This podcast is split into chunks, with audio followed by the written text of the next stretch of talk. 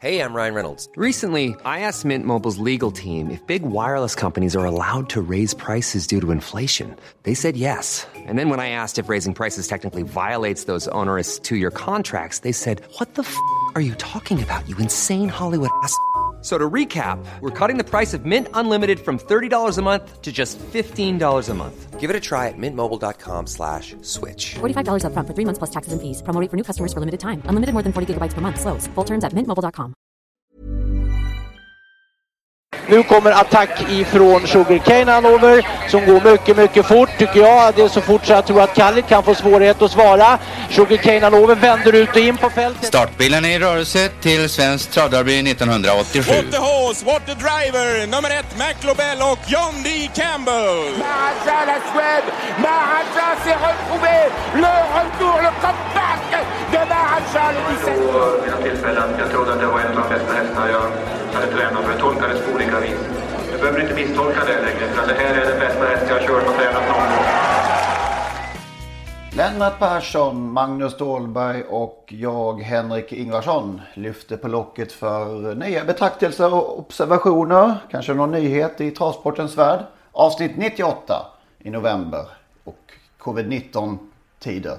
Coviden som det tydligen heter nu mer. Fan, det är Skaraborg. Ja. Coviden. Jag har sett Har det på något att- ställe till faktiskt sen. Jag, Det har gått mig helt förbi. Coviden. Jag älskar sådana Har du, hört, har du hört att Stig har fått coviden? Ja, men vi kämpar på, gnetar på. Det finns inget annat att göra. Eller hur? Ehm, Hail Mary, vår nya världsstjärna får vi kalla henne va? Eller honom.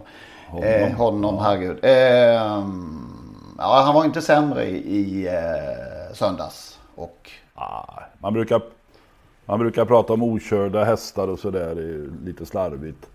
Men det är klart att som det här såg ut så fanns det gott om krafter kvar. Han kunde nog sprungit en bit till.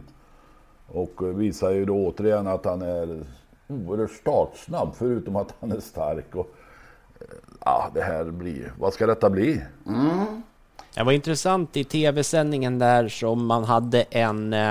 Det var Per Skoglund lyfte fram där att han hade gjort något besök där. Jag vet inte när det var, men han hade tagit någon bild med sin mobil på, på hela frampartiet, bogen och alltså på Hail Mary. Det är ju, ser ju nästan... jag ska inte säga vanskapt, så är det ju inte, men det, det är ju en enorm volym. Det finns ju plats för hur stora lungor som helst och ett hjärta som är dubbelt så stort som alla andra hästars. Det var väldigt eh, uppseendeväckande kan man inte säga, men fascinerande. Alltså det är ju vilken häst, vilket, vilken, vilket bygge det.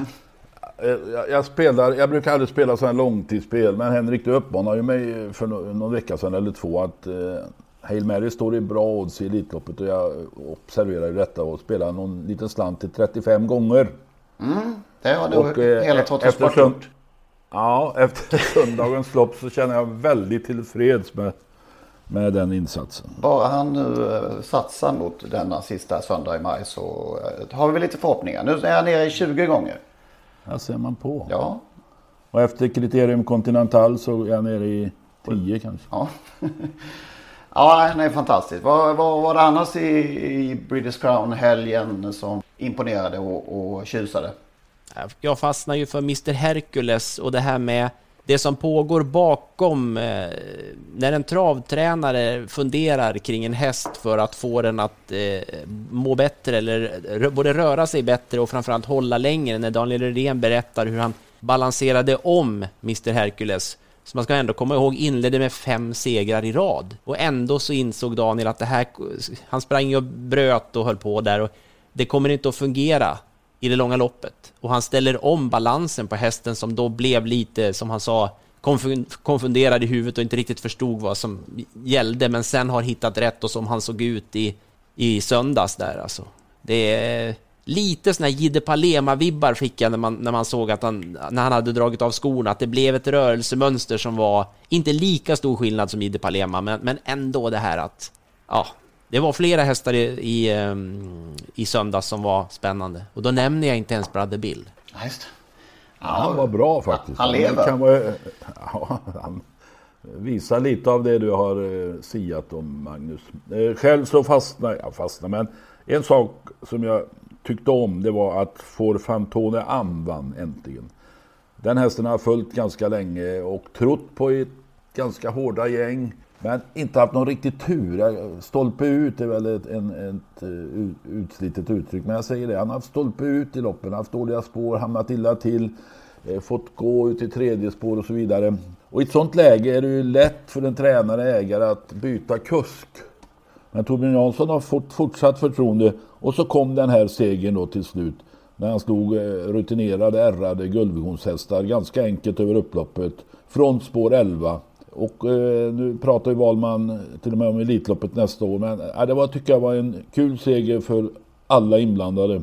Verkar ju på eftersnacket där som att eh, han medvetet har eh, liksom legat lite lågt eh, under den här säsongen. Att han bara skulle ta sig igenom den på ett bra vettigt sätt för att sen... Ja, det var väl... Säsongen gick väl ut på jubileumspokalen. Mm. Där skulle han vara på topp. Men eh, som, som jag sa så har han inte haft något flyt i loppen. Nej. Dåliga spår, hamnat illa till. Men nu visade väl Forfantona Am att han är en häst för, för översta klassen, kanske till och med upp i eliten nästa Ja, år. att Det han har mycket kvar i, i sin kropp.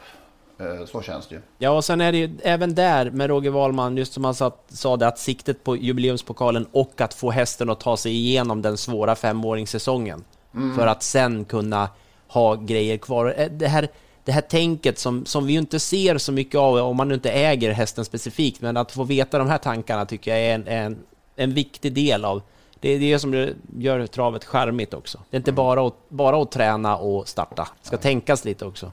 Det är lite tvärtom mot eh, att köra med jänkarvagn i ett eh, kval till uppföljningslöpningen. Så kan man väl säga va? Jo, men det har ju ändå ingen betydelse så att det är väl intressant. Just Nej, snacka om meningslöst. Tänk vad de kastar bort pengar, de som köper de här vagnarna. Alltså. Kejsarens Ja. nya kläder. Ja, det har ingen betydelse. Nej. Eh, nej, men det var ju, blev ju lite diskussion igen då. Jag var väl inblandad jag också. Eh, om eh, de här jänkarvagnarna. I, eh, ja, det var ju efter eh, dessa kval då till uppföljningslöpningen. Och det var ju någon annan häst som rusade i ledningen där på V86-kupongen. Du la ut en omröstning Lennart om eh, detta. Om vad folk tyckte. Ja, och det är ju lite som att slå in en öppen dörr. Man vet ju att de som icke tycker om det är de som är flitigast att rösta. Men det var ändå en liten vägledning av vad, vad den stora massan, eller i alla fall den lilla massan tycker. Ja, Eh, totalt, Har, du- har, har du den framför dig där? Ja, ehm, du hade ju tre olika kategorier för ett förbud. Eh, tvååringar, till och med tre år eller för alla. Så den totala eh, mängden procent då för ett förbud på något vis. Det är ju 80 procent då. Bra som det är nu 20 procent. Eh, 12 procent för tvååringar, 46 för treåringar och för alla 21, ja nästan 22 procent. En dominans för att man ska stänga eh, till och med tre år. Mm, det är det ju. Hur många var det som röstade? 400 någonting kanske? Ja, det har jag inte. Men det, det, Ja, strax över 400. Ett hyfsat statistiskt underlag tycker jag. Ja, det är en bra. Det tycker jag vi får säga. I en Twitteromröstning får man ju säga att det är, det är starka papper. Mm. Jag fick ett mejl här också som jag tycker var intressant. Mattias Johansson, trogen lyssnare. Eh, Han tar till exempel en sån häst som Barbro Kronos som exempel. Som var dominant i början på säsongen och favorit till att vinna alla stora ungdomslopp. Jag vet inte riktigt om det var så men, men typ.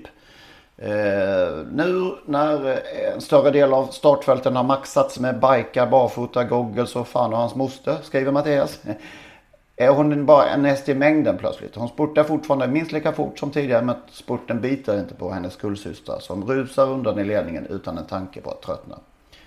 Eh, Han tar exempel som Selected News här som springer för kung och fosterland med sina pjäxor men det ser ut som han åker med vallningsfria skidor.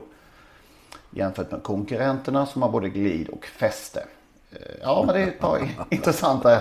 Sen tar han eh, ett par antal punkter här då vad, vad, vad han anser om eh, jänkarvagnar eller inte. Blir sporten mer spännande? Nej, snarare tvärtom.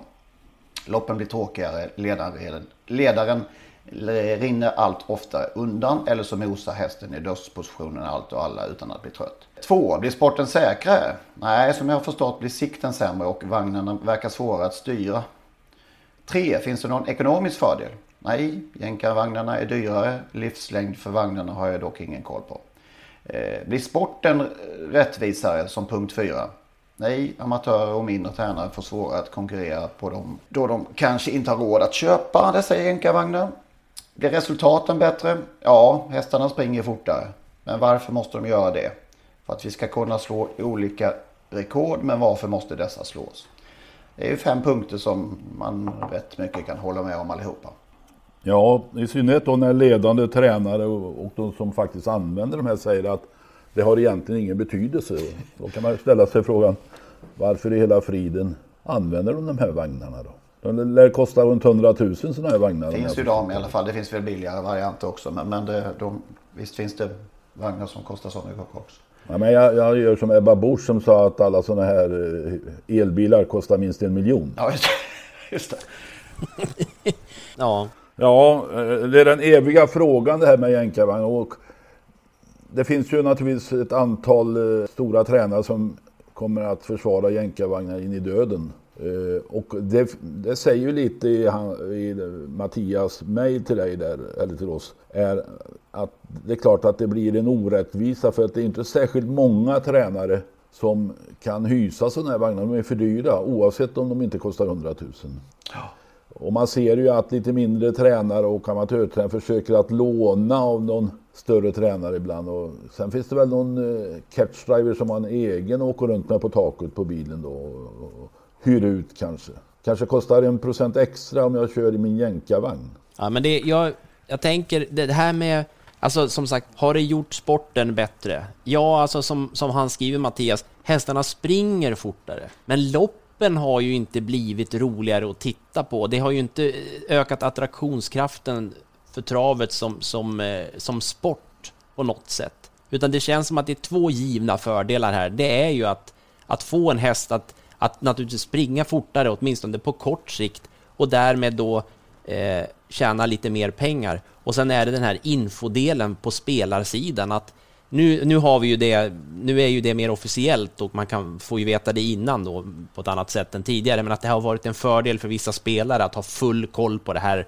Är det första gången i jänkarvagn och så vidare. Och där kan jag också förstå att det finns ett, ett positivt argument, man kan tycka att det är, är bra. Eh, men, men det är ju för, för sportens skull så jag, jag vet inte, liksom, den, har- det har inte gjort sporten säkrare, det har inte gjort sporten roligare att titta på. Jag vet inte, det, jag, jag ser liksom inte fördelen för travsporten. Jag för, för enskilda aktörer kan jag fatta det, men, men nej.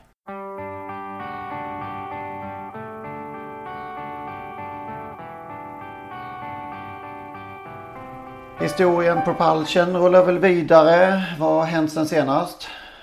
Har vi något nytt? Ja, icke helt väntat att man då har för avsikt att skeppa hästen över till USA för att där bli avelshingst eller uppställas i aveln.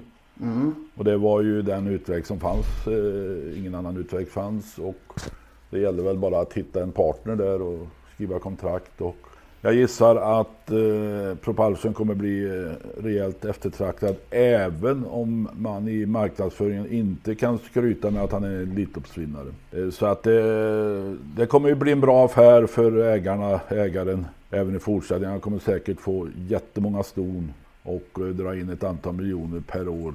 Det var ju den utväg som fanns. Ja, precis. Och där borta fattar de väl ingenting vad, vad vi håller på med. Nej, i synnerhet inte när det är tillåtet att tävla Nej.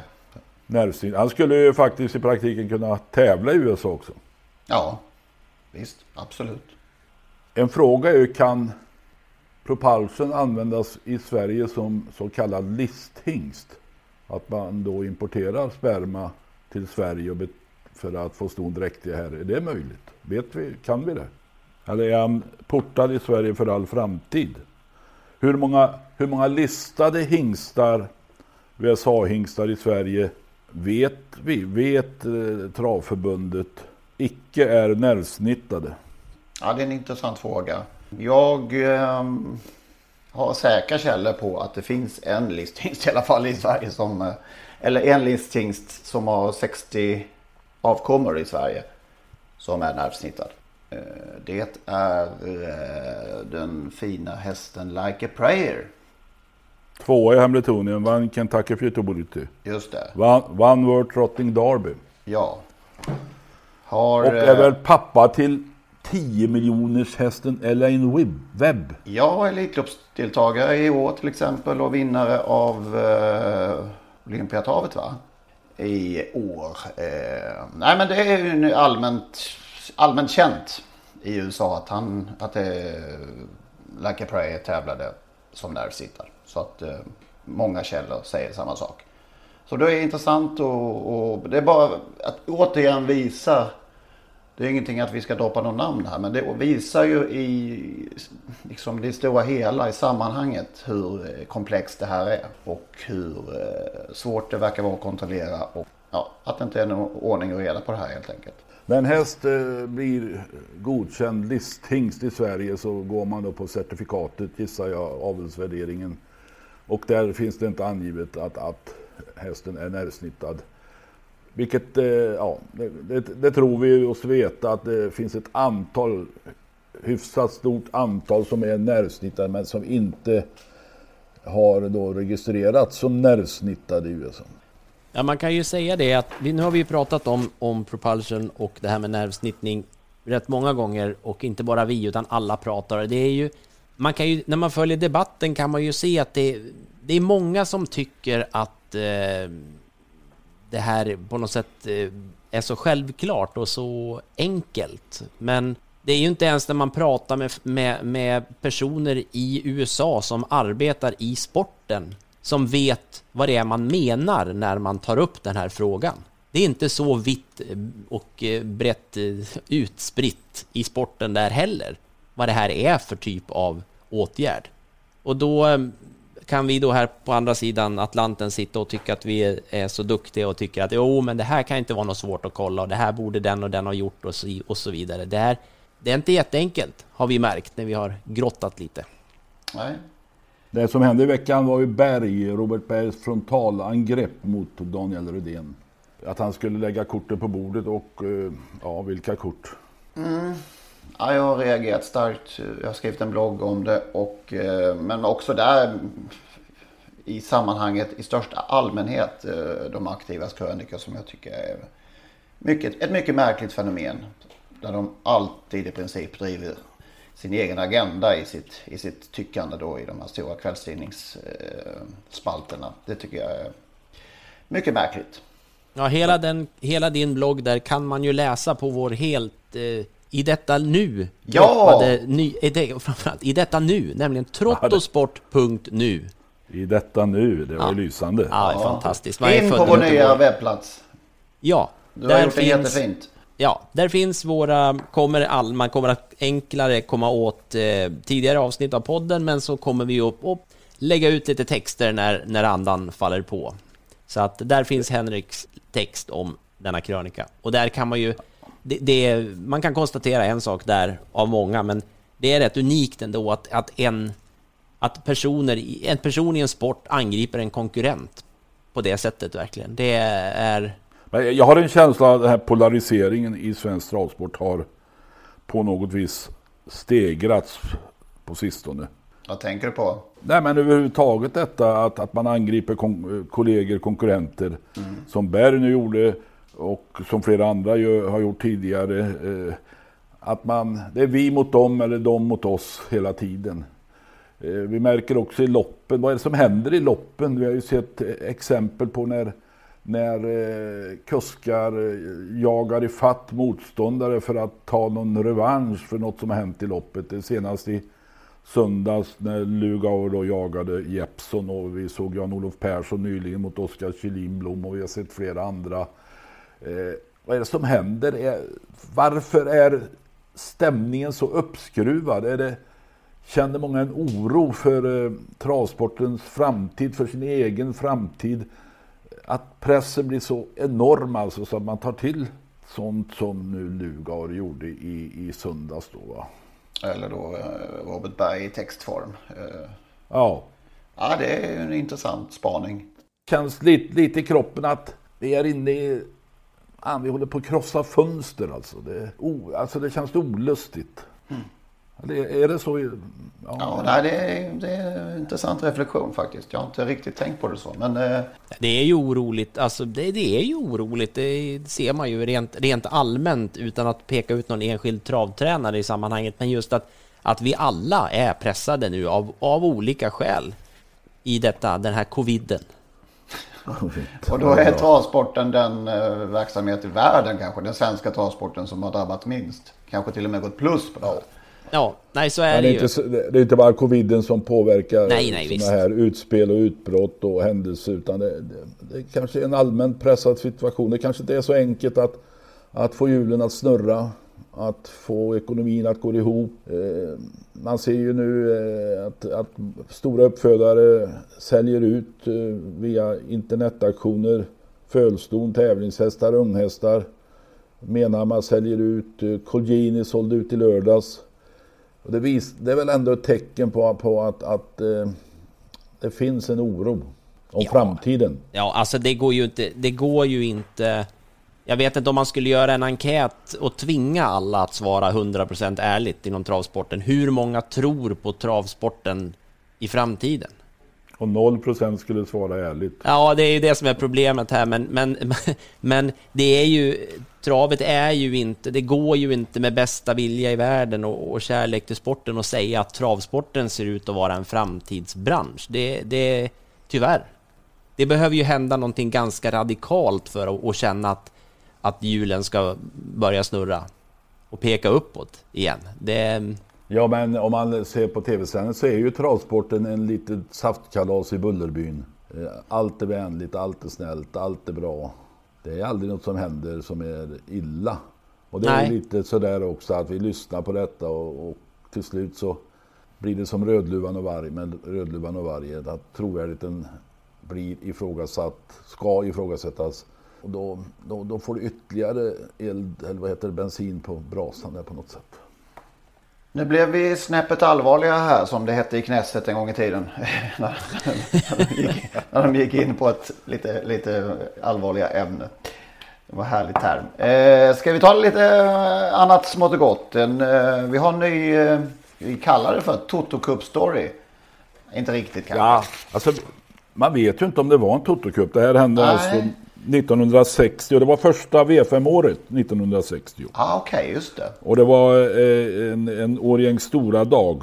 Eh, där i ett utav V5-loppen så var eh, Lady Moon med Leif Johansson från Ed favorit till 14 för 10 och Maxi Ram med Hugo Andersson från Bäckefors var andrahandsfavorit 26 för 10. 1,40, 2,60 alltså.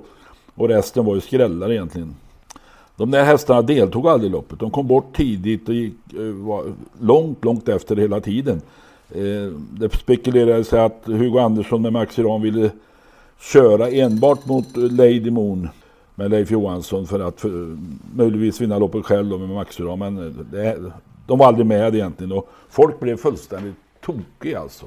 Dessa snälla värmlänningar och dalslänningar i Årjäng Eh, hoppade in över staketet mot domartornet, stormade domartornet.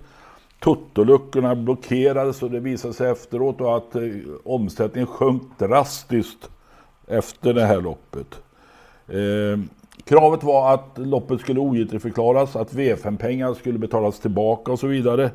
Polis fick inkallas och det visade sig sen då att det var en jättesmäll i det här loppet. Pietren P1 Ren tror han hette, Karl-Erik Edman 360 gånger. Men eh, polis som sagt fick tillkallas och lyckades då få ordning på torpet till slut. Eh, eh det, var, det, var, över 10 000 personer där. Fantastiska scener man ser framför sig.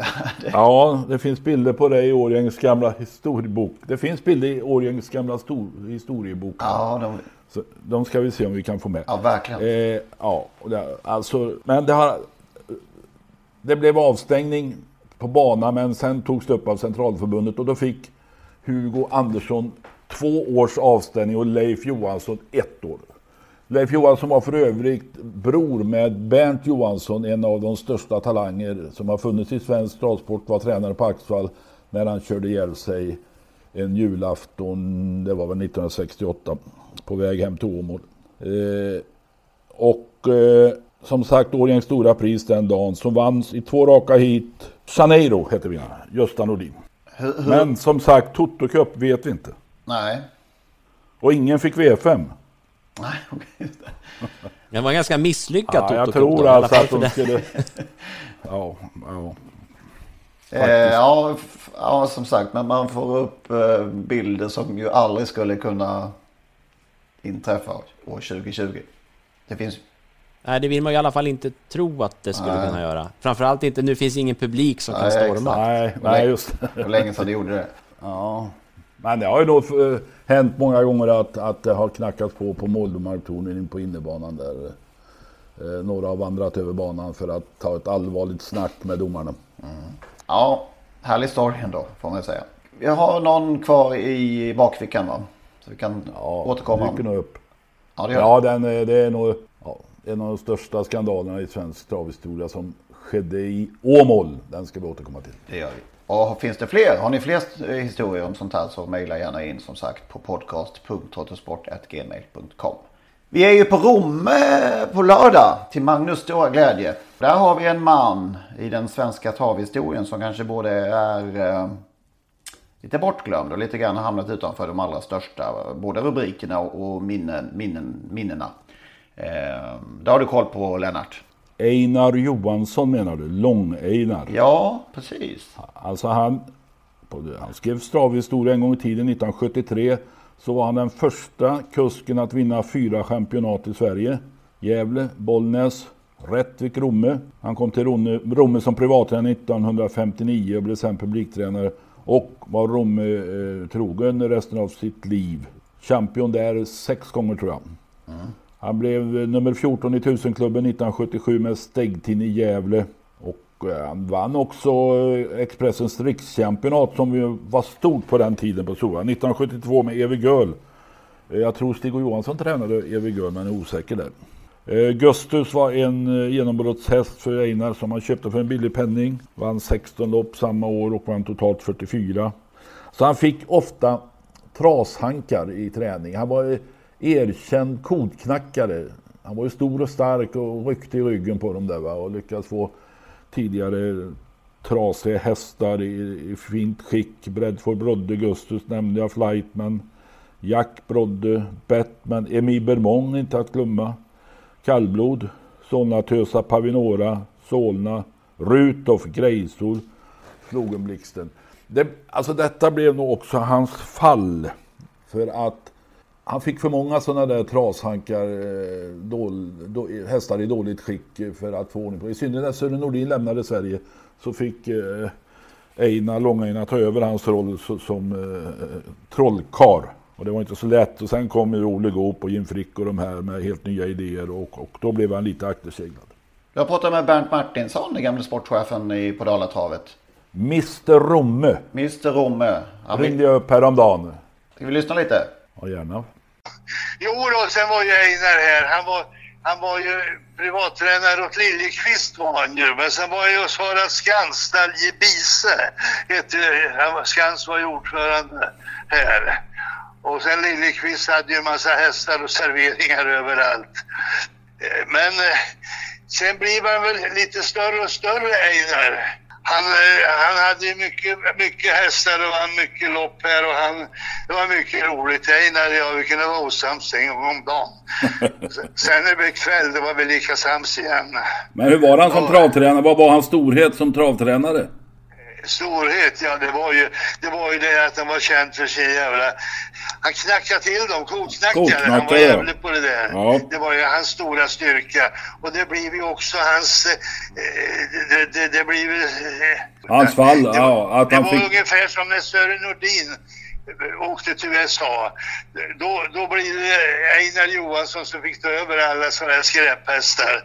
Mm. Som, jo då, han, men han var ju, han, han var ju hård, hård, han var ju champion på fyra banor ett år, fyra banor. Ja, det var hans först i Sverige med att vara champion på fyra banor. Ja, det var han. Åh, det var ett jävla åkande. Vilka bussar. Han, stora, bruna, fula jävla... Som han... Han hade ju sitt humör, men han var ju... Han var ju en yrkesman. August Nåde, han, han kunde det här med hästar. Fick köra Europamästerskap i ett år och då skulle jag vara reseledare. Ingen av oss var vidare på tyska. Men hur som helst, jag var med där nere och då var det ju så att Sverige hade ju aldrig lyckats i det där. Man var sist hela tiden. Och på den tiden var det inga datorer eller något. Då skulle jag rapportera till Aftonbladet. Det var väl två kvällar eller tre kanske. Hur det gick och så.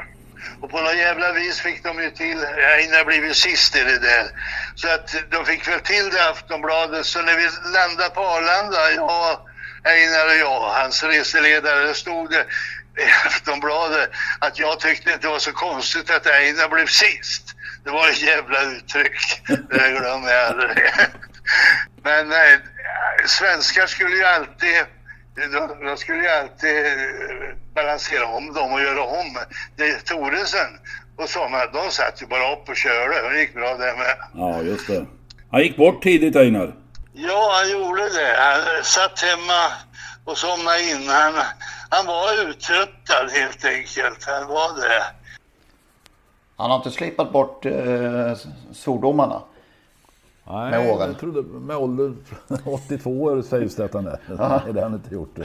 Eh, ja, slutskedet blev man ju lite sådär eh, nästan en tår i ögat att han somnar in i sin fåtölj hemma Einar utarbetad. Mm, det är ju eh, vemodigt Mm. såklart. Och det kan man inte säga om Bernt Martinsson. Alltså han har samma energi och engagemang i den här intervjun som han har haft i alla år jag har känt honom i alla fall. Det är ju det är så underbart att få höra honom nu när, när man inte kan vara på eftersom Rom är min hemmabana, vara i pressrummet och få uppleva Bernt Martinsson fortfarande, trots att han ju inte har någon, någon superaktiv roll i, i verksamheten på det sättet i alla fall, kommer in med sitt engagemang i pressrummet och har en åsikt om någonting. Alltid någonting. För lite hjul i en bil ute på parkeringen eller att det, det snöar på tvären eller varför, varför har de ställt den och, den och korvkiosken där och, och så vidare. Åh, vilket underbart engagemang. Alltså. Det är faktiskt en av de som har byggt svensk travsport. På vilket sätt? Ja, att han var med under en väldigt lång period och var oerhört engagerad. Han kunde till exempel köra startbilen från Romme till Örebro för att låna ut startbilen en, en lördag eftermiddag. Eller, eller ja, en hel lördag gick väl åt då. Va? Eh, hans otroliga engagemang och hans då, eh, alltså Charlie Mills trott var hans. För att ta ett exempel hur han har byggt Romme och varit inblandad i svensk trav på olika sätt när V75, V65 på den tiden infördes. Eh, En av de där viktiga sportcheferna som hade en stor roll förr i tiden. Ja men så mån om att få, få allt att fungera och alla... Det, det känns ju som att, precis som Lennart säger, han har åkt och hämtat en, en startbil i Gävle. Eh, han har varit speaker, han har varit... Han har ju gjort precis allting på rummet tror jag. Han har inte byggt varenda hus, men han har i alla fall nästan haft varenda, varenda yrkesroll man kan ha där på något sätt. Och jag, jag har ju så många historier om, om eh, Martinsson där, men jag... Det finns en, en sån där fantastisk liten grej med, med Martinsson Bernt där att han, han var ju under många år också speaker. Hur många år vet jag inte, men han, hans röst var ju så synonymt med Rom och är fortfarande på något sätt. Men han var i alla fall speaker och eh, satt där i sin, eh, i sin kur då. Eh, och det här var på den tiden man, man fortfarande fick röka inomhus, så det luktade ju rätt mycket rök varje gång han hade gått ut ur sin kur där så kom det ju lite puffar till pressrum och annat. Men eh, då fick jag höra av, av eh, killarna som skötte tekniken där på, på banan att de fattade inte det här puffskyddet som, som eh, Martinsson hade på, sin, på sitt headset då, den här mikrofonen som gick ut framför munnen. Det, det försvann hela tiden liksom. Det, bara gick, det gick upp bokstavligen visade sig upp i rök. De fick sätta dit nya puffskydd hela tiden för de fattade inte vad fasen händer. Det försvinner ju bara. Och då var det så att, att man med den här kameran som filmar loppen, den eh, kunde man rotera 180 grader för den användes ibland när man gjorde de här, eh, innan man hade byggt en riktig studio så brukade man filma in i den här kuren när, när Lasse Lind gick in och, och gjorde värmnings, ja V5-tips och sånt inne i den här kuren där Martinsson satt. Men då en gång emellan loppen så då, då satt man i teknikrummet och så styrde man, den var ju fjärrstyrd den här kameran, så då styrde man in den och filmade på, på Bernt när han satt där inne. Och då när han tände en cigarett, då såg man att han flyttade, han tog inte av sig headsetet, utan det hade han ju kvar, så mikrofonen och puffskyddet var ju framför munnen och när han satte fram tändaren och tände, då eldade han ju lite på det här puffskyddet. Så så var det, med puffskyddet som försvann. Puffskydden till och med. Ja, till och med Ja. det. Då var han avslöjad, tagen på bar rökning. Ja, vi funderar lite grann på att ha veckans, eh, veckan, veckans Martinsson-historia. Jag har ju nämnt förut min, min mormors fästman Mats som ju var både huvudstarter och eh, senare bandomare på Romme. Eh, innan jag var så gammal så att jag ens gick på trav så varenda söndagsmiddag hemma hos mormor så, så kom ju Mats hem och han pratade alltid om denna Martinsson. "Ja, men Idag gjorde Martinsson det här, idag sa Martinsson det här, idag... Så att han var ju ett begrepp för mig långt innan jag visste vem han var. Ja. Ja, härlig profil.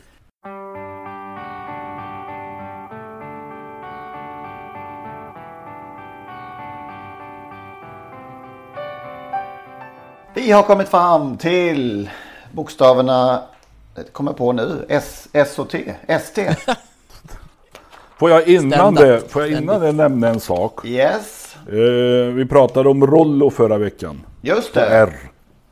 Eh, jag fick ett mail från Thomas Wall som är en, en trogen lyssnare som du brukar säga Henrik. Du beskyllde ha- Eh, Rollo för att vara elak. Ja, jag gjorde det va. Och, och där finns det lite delade uppfattningar. KG Holgersson säger i Willy Claessons utmärkta bok eh, Travlegender om just Rollo att han var inte så elak så, som eh, det påstås. Han var egentligen ganska snäll, bara man var snäll mot honom. Sören Nordin det säger precis tvärtom. Han var elak och han var elak även när man var snäll mot honom. Eh, Thomas Wall här jobbade på Håleryd, i Håleryd eh, i slutet på 69 60-talet och början på 70. Och då fanns Rollo där. Men Thomas säger, jag kan inte eh, säga att han var varken elak eller snäll för att jag var varnad för hästen. Att eh, han kunde vara elak, han kunde vara farlig. Så jag var väldigt försiktig när, jag skulle ut, eh, när han skulle ut på sin dagliga tur i hagen. Det gällde att fin, finta med vänsterhanden och hugga tag i grimman med högerhanden. Eh, sen en språngmarsch före Rollo. Han hade två verkligt stora framknän som hindrade honom från att springa fort ut i hagen. Så att Thomas Wall var väl hyggligt snabb då så han hann undan. Thomas skriver också att eh, det gäller att göra samma fint när man skulle knäppa av karbinhaken och släppa ut hästen i hagen. Han säger Spike Hannover var det samtidigt och han var en av de snällaste hästar han har haft med att göra. Så slutsatsen är ändå att Rollo var nog innerst inne elak. Han betedde sig i alla fall som, ja, som om han var det. Ja. Han har ju en och annan blessyr på människor lämnade efter sig. Ja, se om vi hittar några elaka hästar här då, av de vi har hittat på S och T. Får jag börja på S kanske? Självklart. Eh, jag måste nästan, för, för det är min kanske härligaste namnet av dem alla. Nej, kanske inte riktigt. Men Skogsbotösen. Det är ju, oh ja. ja, det är läckert. Det är ju fantastiskt. Detta starka sto hos eh, lite olika va? Olle Goop eh, bland annat va? Men det var väl någon Olsson som ägde den hela tiden? Ja, just det. Nej, Trädaren kanske ett Underbar häst. Hon vann sista V65-avdelningen en gång när jag gick i åttonde klass.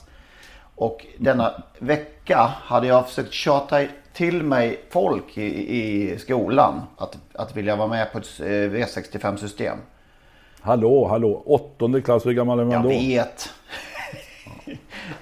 Till sl- jag fick tjata och tjata och tjata. Till slut fick jag ihop sex stycken som ville vara med. Alltså vi var 6, 000, sex totalt med mig. 20 kronor var satsade vi.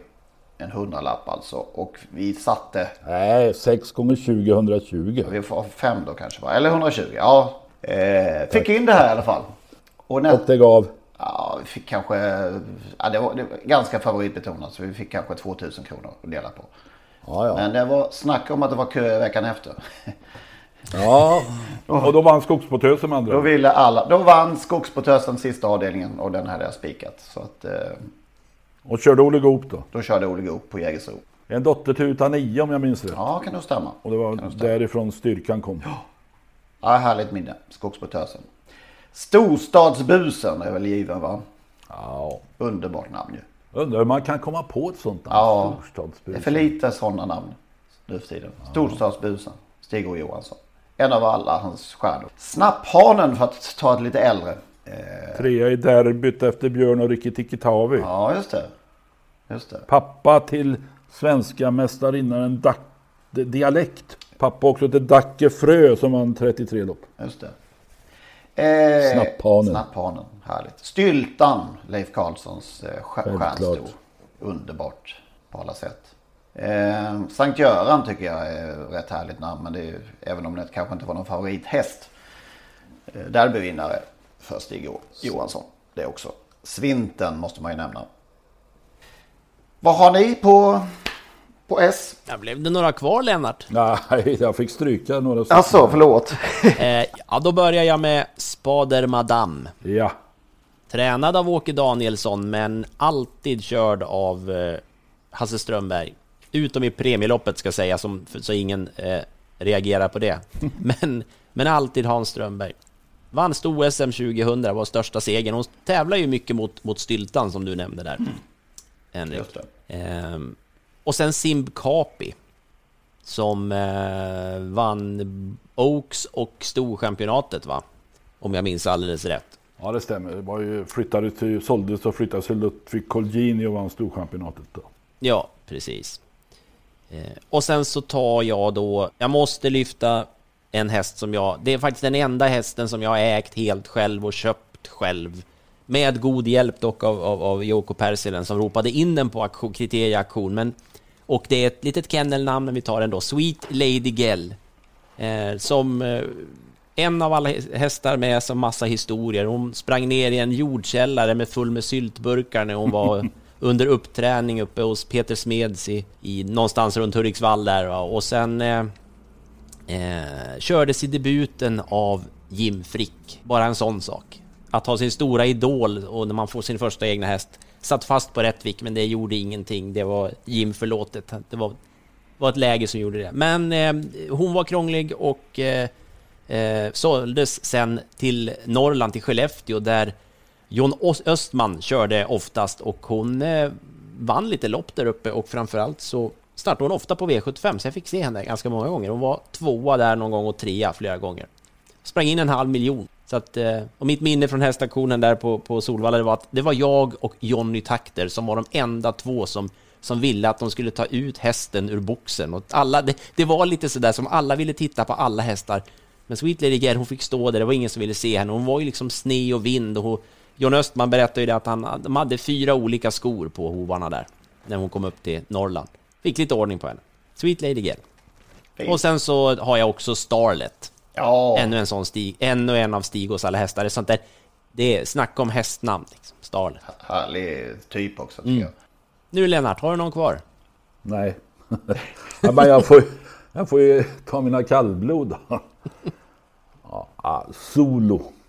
Ja, Solo. Eh, alltså han finns ju faktiskt med i de flesta stamtavlor. Till och med Järvsöfax. Han vann hälften av sina lopp, eh, 62 av 114, född 1930. Och blev ju då en avelsgigant. Men en ifrågasatt avelsgigant. Det var tveksamt om han skulle vara godkänd egentligen. Han var för smäcker tyckte då många. Men eh, strunt samma, han fick vara kvar. Eh, Jag tar ytterligare ett kallblod och Sjunga bäst. Sjunga bäst. Svensk mästarinna. Ja, underbart. Vann, 100, vann 121 lopp. Och så kommer jag över till varmblod och då måste jag ju... Thule Jonsson i Röbäck är... eh, Ja, vi känner ju till han. Han har ju varit med i 100 år nästan i travet. Och är fortfarande med. Han har ju döpt några, fött upp en del hästar. Salong är en av dem. Och då vill jag säga att i den syskonskaran så kan man ju förstå hur han tänker, den gode Thule. Finns salong, alltså tambur, som är på T då i nästa, då är den avverkad. Foyer, lobby och entré. Ja, det är bra. Eh, Vardagsrum, har, han, har, har den, finns den? kommer snart. Sen går jag vidare med ytterligare en häst. Och uppfödd av Robert, West- Robert eh, Robban Westergren. Eh, som heter Salut. Enkelt fint namn efter chefen Bajader. Eh, jag ska återkomma eh, till Robban senare idag här faktiskt, eller i det här programmet. Låt mig på slutet eh, skicka med ytterligare två Steinlager, Elitloppsvinnaren, och den som jag pratade om tidigare idag, Sanity. Just det. Du sa ju att du inte hade några kvar. Vi tog alla på S som finns. Nej, jag, jag kom på ett namn till på S. Eh, och det är Svennehed. Därför jag tänker att Hasse Svennehed kanske kunde eh, ordna en lista på, eller ta reda på hur många hästar som heter något som börjar på S. För det känns som att bokstaven S var hur lätt som helst. Ja, det var många. Och Svenhed börjar på häst då. Kan vi döpa en Ja. häst till häst? Vi an, an, anbefaller att någon kan döpa en häst till Svennehed. Det finns ett namn som inte finns som jag skulle döpa och helst äga, helst äga också samma travhäst. Då skulle jag ge namnet Sommarkvällsberså. Hur många bokstäver är detta nu? Ja, det är, de räcker till. Det är snort från Joakim Thåströms fantastiska kärlekslåt Samarkanda. Sommarkvällsberså. Det ska min häst heta. Det fanns ju någon här som heter Sommarland Palema. Ja, det var inte, lika. Nej. inte lika sexigt faktiskt. Nej, det var rätt så trist. Och Ja. Bert Karlsson Ja. skulle väl vara delägare, men han blev nog aldrig delägare. Nej. Ja, då tar vi te. Då får du börja där Lennart. Ja, det var ju snällt. Då ska jag försöka radera ut det då. Ja, exakt. Men jag börjar ju naturligtvis med Tibur. Mm. Som ju inte var någon stjärna på tävlings... Han hade ju kapacitet men travade dåligt. Men alltså hans betydelse i aveln, det, det går ju inte ens att överblicka. Kallit, Piper Cub, Lady Snett, Prins RS, Big Spender, Fiona Sand, Emil, Go Hammering, Tresolidell, Mustard, Blixten Perline, Chibur, Peilember och din häst där Henrik Rebur. Ja, såklart. Eh, jag lovade återkomma till Robban Westergren. Han är även med på T. Och så det är en helbror till Salut efter chefen Bajader. Och på T heter hästen Tur. Och nu har jag nämnt två av Robbans eh, avkommor till chefen Bajader. Lite senare, några program senare, så kommer vi till hans allra bästa häst efter chefen Bajader och hans allra bästa häst genom tiderna. Eh, låt mig nämna några till då. Tvivel, Tamburin och så lite franska hästar förstås. Toscan, Tenor de Baun, Tidalien Pelou och tidigare i programmet nämnde Train Block. Och då har jag sparat, Äh, låt mig säga Trollfax då så vi inte glömmer den, pappan till Järvsöfax. Så har jag sparat det bästa, Texas. Som jag var med och importerade från USA efter Super Bowl Elmar, alltså det var ju superstam om man nu får säga så. Sören Nordin, Sören Nordin dömde ut eh, det där, den där affären helt. Texas är oduglig som avelshingst.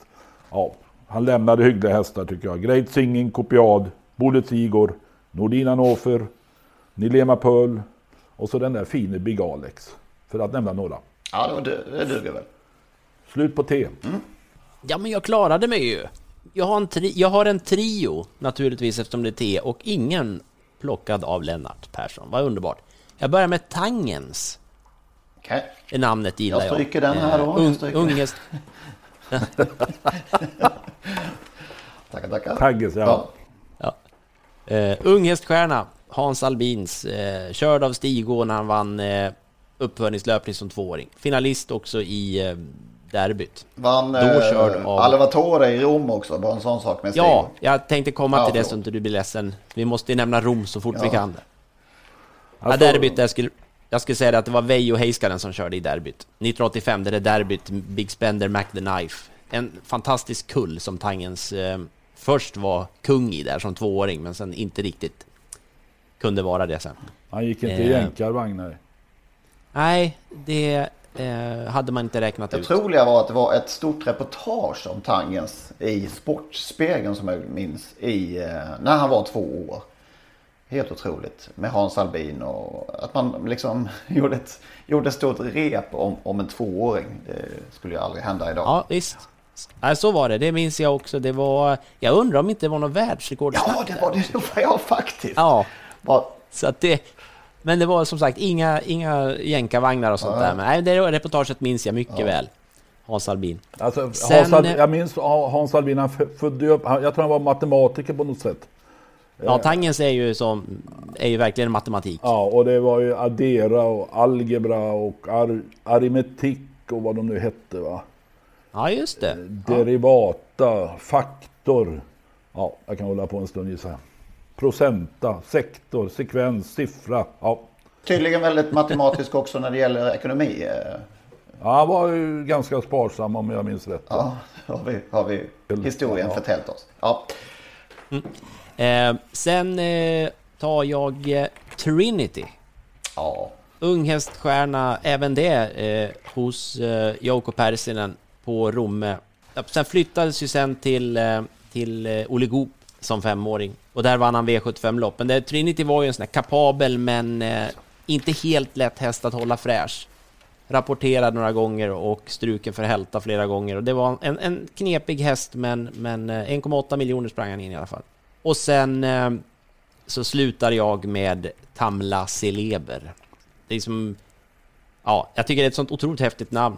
Eh, vann E3 för ston, både kort och eh, lång. Travox, Storchampionatet från Sport 12, Drottning Silvias pokal, EM för ston, Grosser Prize von Deutschland i Hamburg. Och sen då åkte över till USA där, eller till Kanada förlåt, eh, Breeders Crown för äldre ston och vann det. Och sen mamma till For- Forfantone Am. Ja, tack. Det var mina tre. Ja, ja, men då är det ett par kvar i alla fall. Eh, tackar grattis. för det. ja, men eh, The Onion måste ju nämnas i Vi sammanhanget. spar, jag sparade den till dig. Ja, ja, löken som hon sa i Elitloppssändningen 1984. Marianne Berglund. Löken. Glöm aldrig. Ja. Cyklisten alltså. Marianne Berglund. Ja, jag förstår. Tolja. Kommer ni ihåg eh, henne tror jag det var. Det var nog stor va? Kolja. Tolja. Nej, Matte Wikander. Vann V65-lopp på 80-talet. Ja, just det. Ja. Befann mig då och då i eh, Östersund på den tiden. Min syster bodde där under ett par år och eh, fick träffa på den här Martin Vikander faktiskt. Eh, Så att Tolja minns jag väl. Ehm, The Big Apple tycker Mm. jag är värt att. Uppfödd av Daniel Söderberg om jag minns rätt, veterinären. Ja, okej. Det var, ja men Temper Tantrum har jag också. Ja, den pratar vi om. Ja, Temper Temper Tantrum. Tantrum. Kriterie 3 1993 tror jag. Eh, tränad av Roger Nilsson som ju tragiskt eh, lämnade jordelivet eh, några år senare där. Temper Tantrum. En sista. Tomasi. Inte, inte någon framgångsrik häst på något sätt men Tomasi är ju en underbar fotbollsspelare. Tidigare sådan i eh, Roma. Alltså i Roma till och med. Ja. L'anima candida della Roma kallades han för. Rom, eh, Romas själ, mittfälts själ var han. Han Spelade alltid med ett härligt hjärta och eh, ärliga tag. Underbar. Damiano Tomasi. della Roma. Gol numero uno in Champions League per lui. Il terzo gol della squadra giallorossa è realizzato dall'anima candida della Roma. Dal numero 17. Damiano!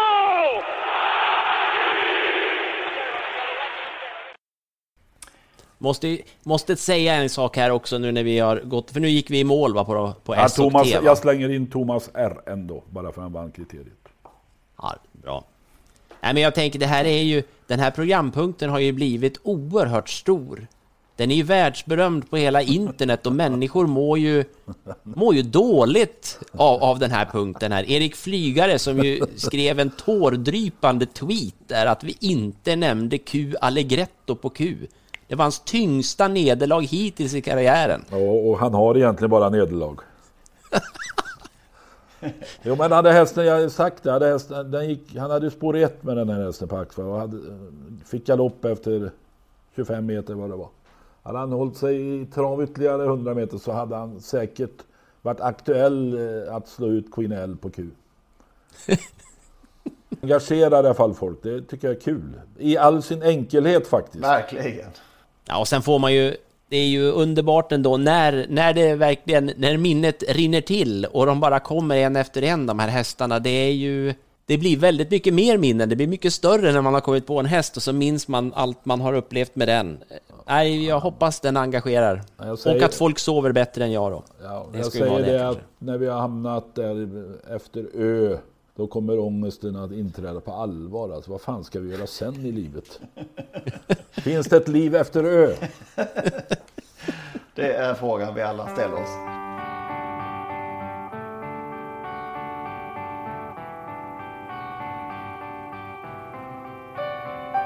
Tar du dig till eh, Romme på, på lördag? Ja, eh, det finns i alla fall en plan A är att, att eh, jag ska ta med mig kameran och eh, plåta lite. Det är plan A, även om det ju mestadels är mörkt nu för tiden när V75 körs eh, den här årstiden. Men eh, det är planen, vi får se hur det blir med det. Eh, Har du hittat några vinnare? ja, flera stycken. Ja, bra. Det- jag... Det är ju en våldsam jackpot. Oh ja. Det är ehm, det. Är det. Och ehm, det är också, ty- tycker jag, en öppen omgång. Eh, Jag måste säga det att, att ehm, även om vi är tidigt i veckan så när jag tittat, gjort den här första bli- överblicken så känns det som att det är inte lätt alltså. Det är en bra jackpot-omgång. Så därför så har jag tre stycken... Det var inte så lätt i lördags heller utan jackpot. Nej, nej, och jag, jag, eh, om vi nu ska återigen då, utan att nämna varenda häst, men, men i lördags var det nog så att jag, jag tror att, jag vet nu hade jag tre stycken som jag tyckte såg stenklara ut, 300 kvar. Jag tror alla nästan var sist i mål. Jag tror aldrig jag upplevt något liknande. Det är tungt att titta på trav ibland. Alltså. Så att lite bättre eh, resultat hoppas jag på den här gången. Eh, och eh, vi, nu vet vi inte hur sträcken faller då, men, men jag, jag nämner tre hästar som jag tycker man ska ha med och två av dem kommer definitivt inte att bli mycket sträckare. Börjar i Du- men du säger inte att den V75 vinner? Nej, nej, precis. Och vet du vem som brukar säga det? Ja, det har vi ju. Ja, Erik Adielsson, han kör faktiskt just den häst som jag ska börja prata om. Här. Eh, Ja, eh, så jag säger inte att han vinner. Eh, men jag tar med honom. Det är Jörgen Westholms Remarkable Feat som står med dubbla tillägg i ett 3 och 1 lopp där, men han står bra inne i loppet och såg faktiskt riktigt bra ut i, i lördags, men kom ju inte till ifrån värdelöst läge. Jag tycker det ser riktigt roligt ut och det är som sagt Erik Adielsson som kör. App, app, app. Ska gå kört en med skor nu. Ska gå med skor nu. Ja, men det spelar ingen roll. Han, han, det har ingen betydelse. Jag vet, det har ju inte det. Nej då. Eh, Erik Adielsson har kört en gång tidigare och då vann, vann de tillsammans och med skor. Både Erik och Remarkable Feet hade skor. Det gick bra då. Eh, jag tycker det, han blir väl osträckad, tror jag. Det tror jag nog jag kan garantera. Nästintill i varje Nej, fall. du ska ju sträcka, då kan man inte säga Ja, precis. Han blir mycket lite sträckad. V755 sen. Final Dream. Eh, häst i, i sån här tokform, verkligen. Mycket, Eh, mycket och- bra senast ju. Mycket, mycket bra. Ja, fan, fantastiskt bra och, och eh, en, en, eh, en härlig, härlig häst på- på, alla sätt. Tränas av, av eh, Magnus Järnemyr som vi har nämnt tidigare ju. Handbollsspelare va? Ja. Eh, Och eh, Linda Sedström som kör. Jag måste berätta, kanske jag berättat om Magnus Järnemyr. Han är ju väldigt god vän med Johan Sjöstrand, handbollsmålvakten. De har mycket hästar ihop. Vid något tillfälle då vi satt och drack en öl så, så, så sa Johan att det var aldrig någon idé att försöka kontra när Magnus Järnemyr var med. Eller i alla fall inte på honom, kasta bollen till honom. Till honom det, det var meningslöst för han kan inte ens fånga en badboll. Så illa. Ja, nej men det är eh, bättre på att träna häst.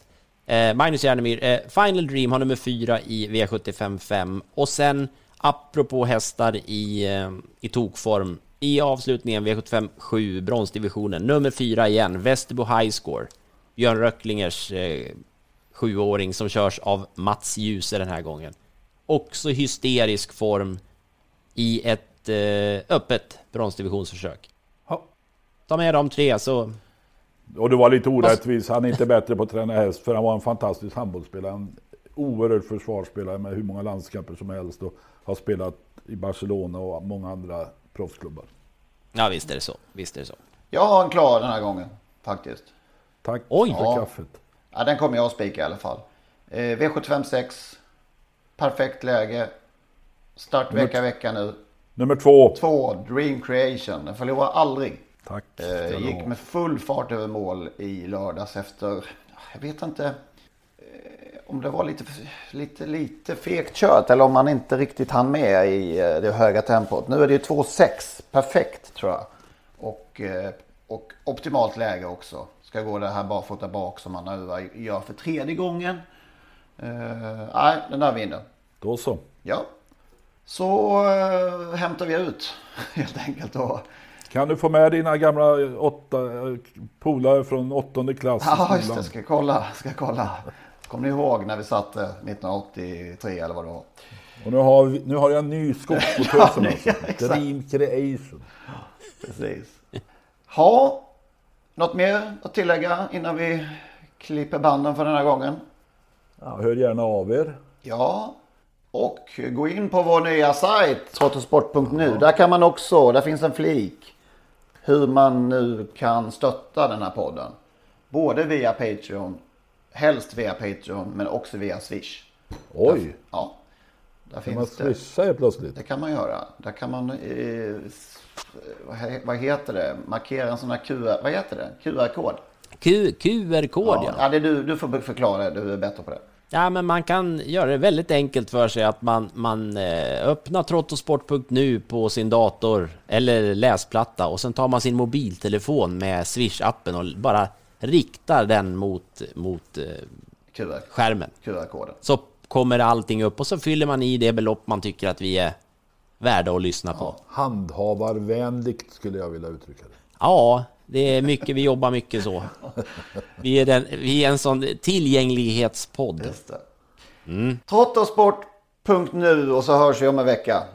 Där ja. gör vi. Ha det gott. Hej då, hej då. Hej då.